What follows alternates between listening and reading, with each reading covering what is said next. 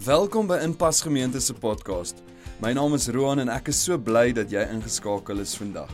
Luister saam na 'n inspirerende boodskap oor die persoon van Jesus en sy liefde vir jou. As ons jou op enige manier kan dien of bystaan, maak asseblief kontak met ons. Ons webtuiste is die maklikste manier om dit te doen. Gaan na inpas.org.za en vul die terugvoerstrokie in en ons reik uit na jou. As hierdie podcast 'n impak maak in jou persoonlike verhouding met Jesus, wil ons jou uitnooi om jou geloof prakties uit te leef. Jy kan dit doen deur vrygewig te gee sodat Inpas Gemeente die goeie nuus van Jesus kan verkondig. Kyk gerus op inpas.org.za hoe om 'n bydrae te maak. En nou, sit gerus terug en geniet die boodskap. Om hierdie diens uh hierdie Desember af te skop met 'n klomp uh reeks of 'n reeks met 'n klomp boodskappe wat gaan oor my Kersfees wenslysie. Nou, ek dink ons almal het altyd maar 'n ou Kersfees wenslysie. Hoe groter jy word, hoe meer raak hy maar persoonlik en jy deel hom nie. Maar ek onthou toe ek so 9 jaar oud was, dat ek die aakligste geskenk van my lewe gekry en jy gaan vir altyd my nou veroordeel omdat ek so voel. Um as ek vir jou sê wat dit was, maar ek onthou ek was so 9 of 10 jaar oud en 'n kind sien mos nou heel jaar uit na Kersfees. Ek bedoel, waarna sien jy uit? 'n Fiets, rolskaatse, 'n wat 'n skateboard. Wat ook al jy sien uit na dit en toe ek nou daai ding my Kersgeskenk daar sien onder die boom het ek hom begin vryf en ek het hom begin ryk en ek het hom begin skud. En hy's ontrent net so groot. Hy was nie so groot as wat ek gehoop het hy gaan wees nie, maar toe ek daai ding oopmaak julle, toe is dit die Bybel. Ag genade, hierdie kind se hele lewe sak daar mekaar in. Ek weet as jy nou 'n bietjie ouer is vandag gaan dink jy dis 'n wonderlike geskenk. Ek moet dit dalk koop vir my kinders. Weet jy wat? Heeltemal 'n slegte idee. Koop die Bybel vir die kind op 'n ander tyd. maar vir Kersfees was dit nogals moeilik vir my om dit te verwerk en daarom sê ek jy gaan nou die res van my lewe my veroordeel omdat ek nie van daai geskenk gehou het nie, maar dit is oukei. Okay. Ek dink ons almal het al geskenke gekry wat ons van gehou het en dalk nie gekry het nie. Dalk kry hierdie jaar 'n stofsuier, wie weet, nê? Dit sê dalk iets. Ons doen hierdie reeks en ons lei advent en advent beteken maar net op die kerkkalender beteken dit die oploop na Kersfees toe. Ek en jy wat in verwagting is na die geboorte van Jesus, nie 2000 jaar terug nie, weer eens opnuut die geboorte van Jesus in my en jou lewe. Wie van julle weet dat die geboorte van Jesus is nie iets wat net een keer gebeur het. Ek weet ek wil nou nie weird raak nie. Jesus, hy's weird, hy's gebore, dis ons nou verby. Maar om in ons lewe, nê, nee, hy sê aan aan aan Nikodemus, jy moet weer gebore word. Ek ek ek dink is 'n pad wat ons stap met die Here om om daai wedergeboorte weer en weer te beleef in ons lewens en baie keer om Jesus opnuut iets nuuts van Jesus te leer ken in jou lewe. En ek hoop regtig hierdie 3 weke wat oploop na Kersfees toe, gaan Jesus op 'n nuwe manier aan jou blootstel. So as kyk na die verhaal waar waar ehm um, daar spesifiek uh die wyse manne opgedaag het om vir Jesus geskenke te bring. En hoeveel geskenke het hulle vir Jesus gebring? Ja, jy weet dit, dit was 3 gewees. Hoeveel wyse manne was daar gewees? Nee, nie 3 nie. Dis wat ons dink? Nee? Ons dink daar was 3 wyse manne omdat die Bybel lees daar was 3 geskenke. Ek het my hele lewe tot laasweek toe nog gedink en geglo daar was 3 wyse manne. maar die Bybel sê 4, daar ek het 4, het ek 5, het ek 5. toe maar die golfdag kom. Ehm um, daar was meer waarskynlik of daar was minder. Die Bybel sê nie vir ons nie, maar dis nie die punt van die storie nie. Die punt van die storie was die 3 geskenke gewees. En ons gaan so 'n bietjie die volgende paar weke kyk wat beteken hierdie geskenke. Die wyse manne ehm um, was was 'n interessante beroep gewees destyds. Dit was mense gewees wat nogals redelik invloed. Hulle was hoogs geleerd gewees, jy nou dink in daai tyd. Hulle was soos die dekaan van die universiteit. Konings het na hierdie ouens toe gegaan om vir hulle te vra vir raad en vir voorspellings, voorspelling nie soos wat ek en jy nou dink noodwendig in die huisgenoot daai voorspellings nie, maar voorspelling in die sin van die ekonomie van waantoe dink julle is goed op pad? Waantoe beweeg die wêreld? Waantoe beweeg die kultuur? Die wyse manne was vir daai rede wys gewees en het groot invloed gehad by konings. Maar toe hierdie ouens ontdek het op 'n manier verstaan het dat daar 'n koning gebore is in Bethlehem waar hulle graag gaan. En hulle vat drie geskenke vir Maria vir Josef en natuurlik vat hulle hierdie drie geskenke vir Jesus. Maar hierdie drie geskenke, ons ken dit as goud, mirre en wierook. Ons ken dit so. Goud, weet ons wat dit is, midde in wierook, jy moet regtig uh, wat noem ons hierdie hierdie olies, spesiale olies, deesdae jy moet hom, hom nogals bestudeer dit en aan jouself smeer om te verstaan wat is midde in wierook en ons gaan nou-nou daarby kom. Maar hulle vat hierdie geskenke na Jesus toe en vir Maria en Josef was dit behulpsaam geweest om hierdie drie geskenke te kry. Maar wat die groter waarde hiervan is, is meer die profetiese belydenis wat hierdie drie geskenke gedoen het om te voorspel of te sê wat die koms van Jesus beteken. En nie net 2000 jaar terug nie, maar die koms van Jesus in my en jou persoonlik in ons lewens.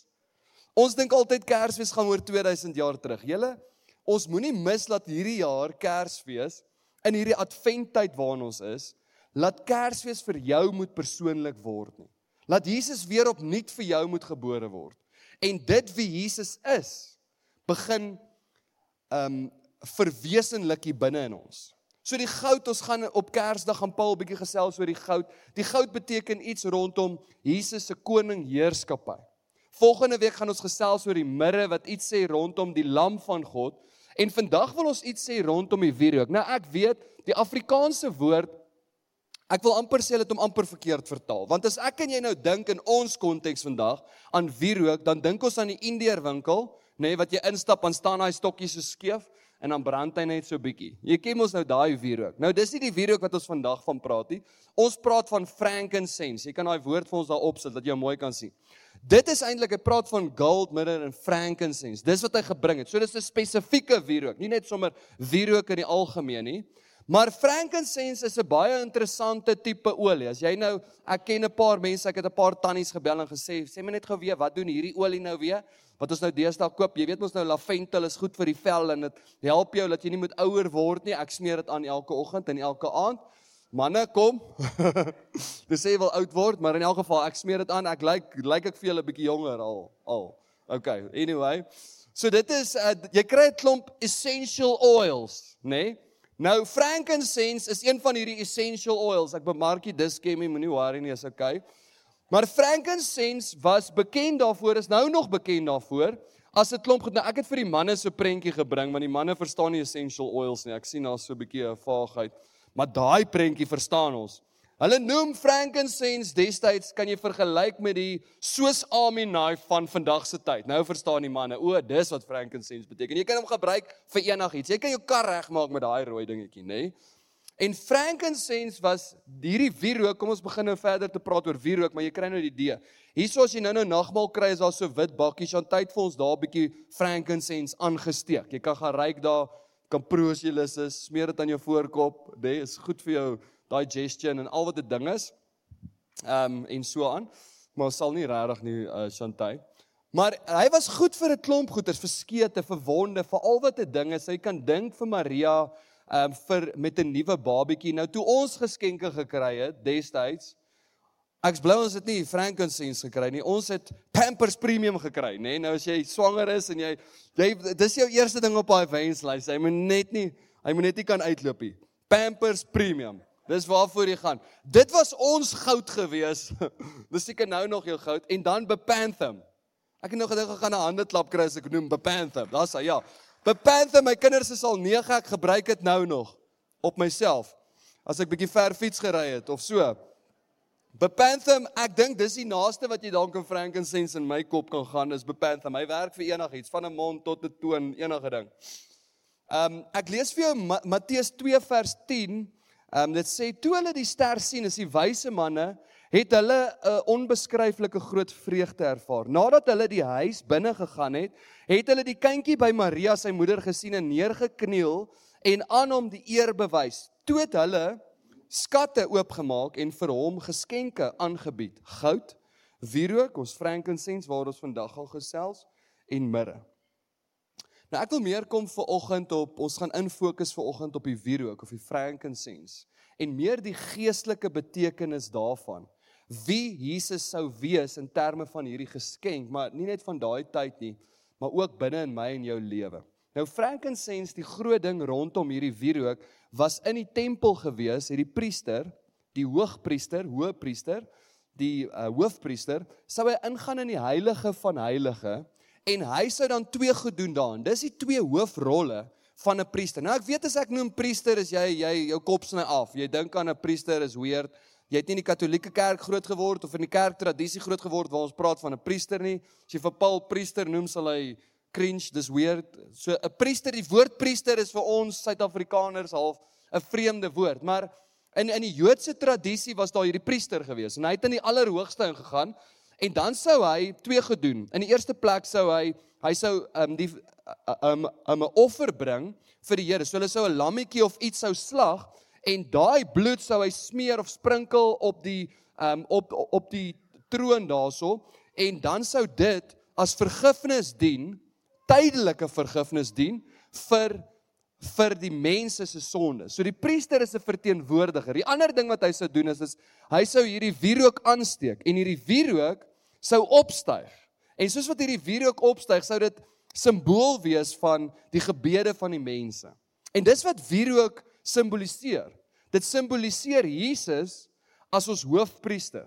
Ons het nie meer 'n priester nodig wat 'n lammetjie slag nie en ek ek weet nie of jy die woord ken sondebok nie. Ken jy die woord sondebok? Ek het 3 van hulle daar by my huis.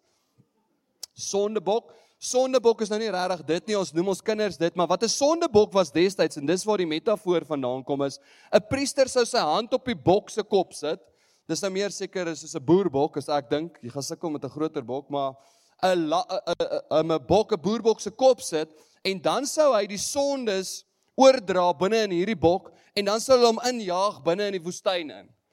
Met die doel dat hierdie jaar se sondes is weg maar net tot weer tot volgende jaar. Totdat ons om ons emmertjie weer vol is, dan moet ons hom weer kom leegmaak. En jaar op jaar of week na week het die priester in die allerhoogste ingegaan om die mense se sondes van hulle af te probeer wegneem totdat Jesus gekom het.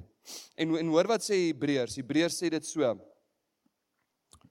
Um hy begin daarso in Hebreërs 10 vers 10 tot 12. Hy sê volgens sy wil, dis dis God die Vader Sy wil is ons heilig gemaak deurdat die offer van die liggaam van Jesus Christus eens en vir altyd deur die offer van die liggaam van Jesus Christus eens en vir ander. Nou kom ek verduidelik dit vir jou so. Daar was nodig gewees vir die priester om vergifnis te vra vir die mense se sonde, want toe Adam en Eva sonde gedoen het in die tuin, het sonde begin hou vaskry. Die sonde val, ons noem dit so. En onmiddellik was daar 'n bipolêre spanning tussen die heiligheid van God en die sondeval van die mens. En natuurlik moet moet hierdie sonde op een of ander manier moet vergoed word. Sonde is nie 'n woord wat ek en jy vandag gebruik nie. As jy so hoor in die volksmond, niemand praat van sonde nie. Jy sal dalk dalk jou kind waarsku met die hel as jy sonde gebruik, maar die meeste van ons gebruik nie vir ons eie foute hierdie woord nie. Jy sê ag ek het 'n foutjie gemaak. Dit was was per ongeluk of dit was dit was 'n fout geweest, maar jy gebruik nooit, dink gou 'n bietjie in jou eie lewe. Jy het nog nooit die woord sonde gebruik in jou eie lewe nie. Jy sê nie vir jouself, "O, oh, dit was nou sonde nie." Jy sê dit was 'n fout geweest. So vir een of ander rede in ons moderne samelewing het ons begin om hierdie woord sonde af te water. En ek sê dit so, ek sê Um, ek het so ding daar gesê jy kan dit vir ons daar opsit. As ons nie die heiligheid van God verstaan nie, sal ons altyd die 'n verslapte benadering hê tot sonde. Ek het nogals gesukkel met 'n woord vir daai benadering, maar ons gaan so gemaklik om met die woord sonde omdat ons nie respek het of baie keer verstaan of begrip het vir die heiligheid van God nie. As ek en jy verstaan wie God is in sy almag, in sy heiligheid, dan sal ek en jy anders kyk na sonde. Sonde Nie om mense te veroordeel nie, sonde wat kom in ons lewens in om ons verhoudinge te vernietig, om ons verhouding met God te vernietig, maar ook om ons verhouding met ander mense te vernietig. Dis die doel van sonde, is om ons lewens te kom vernietig. En die oomblik as jy die heiligheid van God verstaan en sy plan met jou lewe, dan besef jy, dan kyk jy anders na sonde en jy sê, weet jy wat, hierdie ding wil ons lewens vernietig.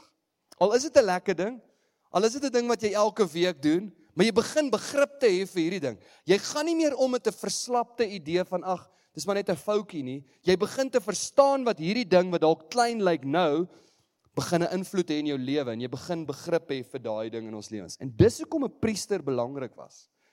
Is om vir versoening te bewerk op 'n tydelike manier Week na week staan die priester daar en hy moet kom um, om verskoning vra namens die volk. Kom ek lees vir jou weer Hebreërs 10 vers 10 tot 12. Dit sê volgens sy wil is ons heilig gemaak deur die offer van die liggaam, nie meer 'n lammetjie nie, nie meer 'n sondebok nie, die liggaam van Jesus Christus eens en vir altyd. So ons leef nie meer soos die Jode in die Ou Testament wat met 'n minderwaardigheidskompleks elke keer moet gaan na die Here toe en iets slag en sê hier's nou weer tydelike versoening met die Here nie. Vir eens en vir altyd en dit is wat Jesus kom doen het. Dis wat die frankincense die wierook kom sê het.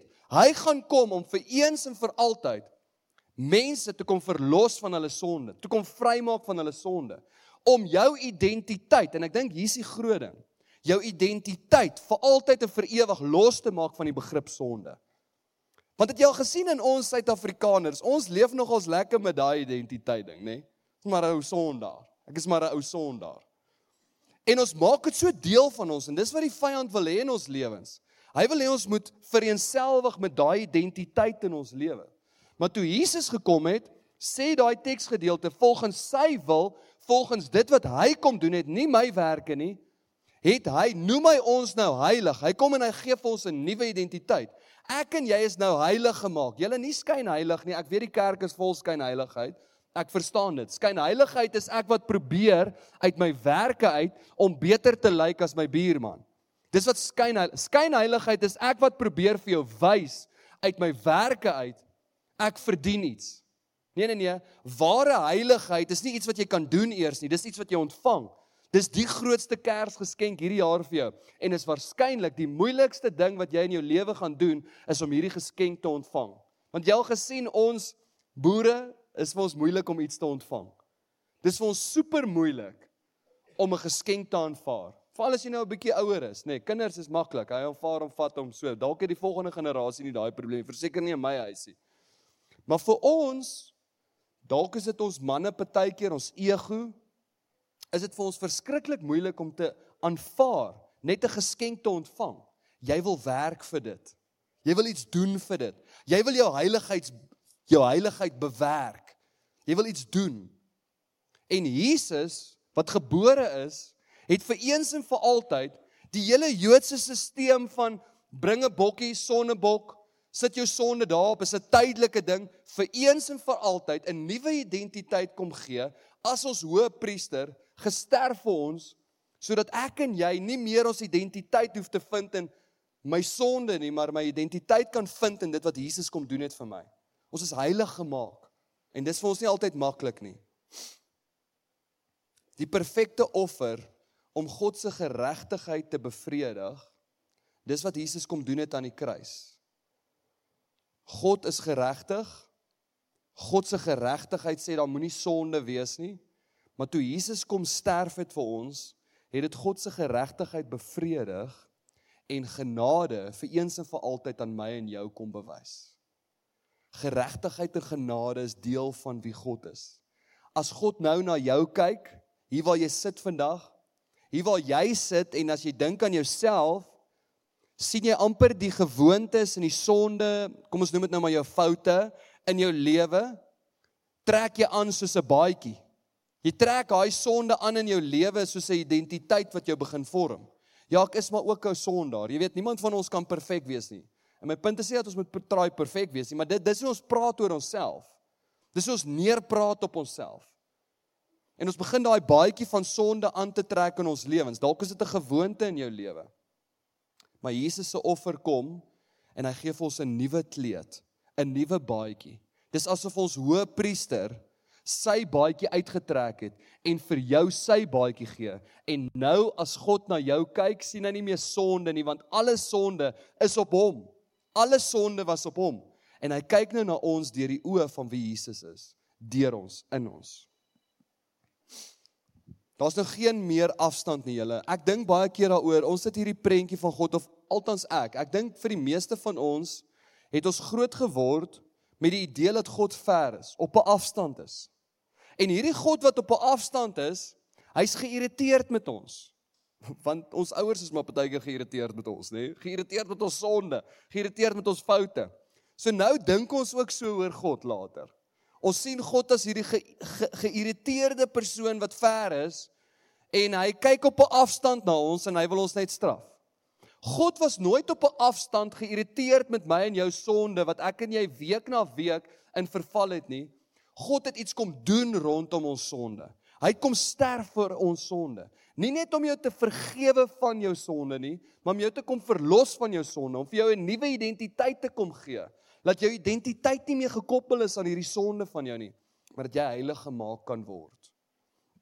Hoor wat sê Hebreërs 4 vers 14 tot 15. Hy sê terwyl ons dan 'n groot hoëpriester het, dis Jesus, eens en vir altyd. Ons het nie meer nodig om goed te offer nie. Eens en vir altyd. 'n Hoëpriester het wat deur die hemele gegaan het. Jesus die seun van God. Laat ons styf vashou aan ons belydenis, want ons het nie 'n hoëpriester wat nie medelei met ons swakhede kan hê nie, maar een wat soos ons in alle op, opsigte versoek is en dit sonder dat hy gesondig het. God wat in alle opsigte my en jou situasie begryp en verstaan. Vanoggend, hier waar ek en jy sit. God is nie op 'n afstand nie. Hy is naby aan ons gekom. Miskien gaan jy op hierdie stadium, hierdie tyd van die jaar, gaan jy dalk deur 'n stresvolle tyd. Jy voel dalk jy's alleen in hierdie ding waaroor jy gespanne is.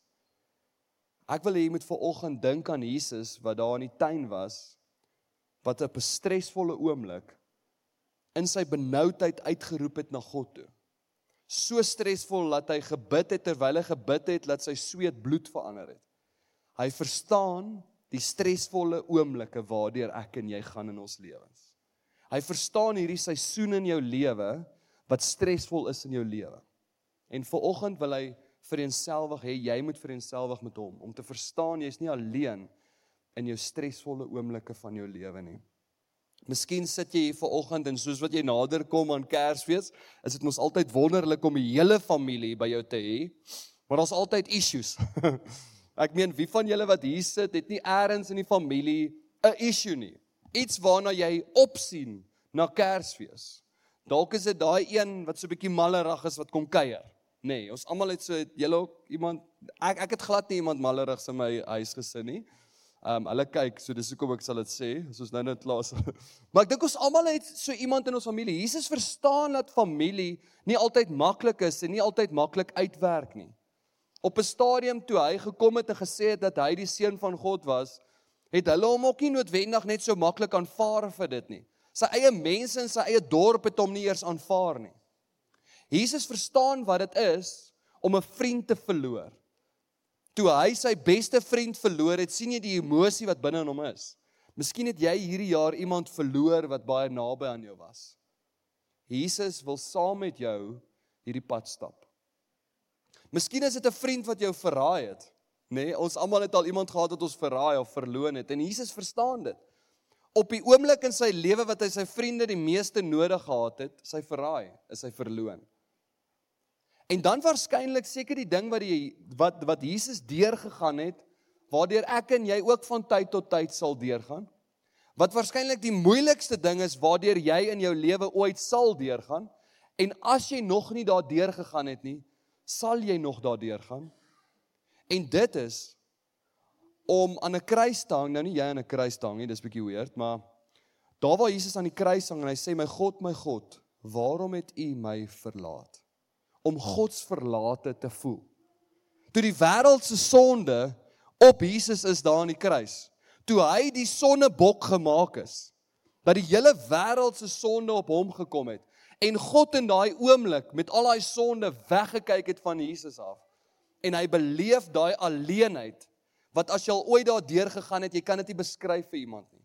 Ons Suid-Afrikaanse Christene is te bang om dit te erken dat ek en jy deur tye gaan wat dit vir ons voel die Here is nie met my nie. Is nie saam met my nie.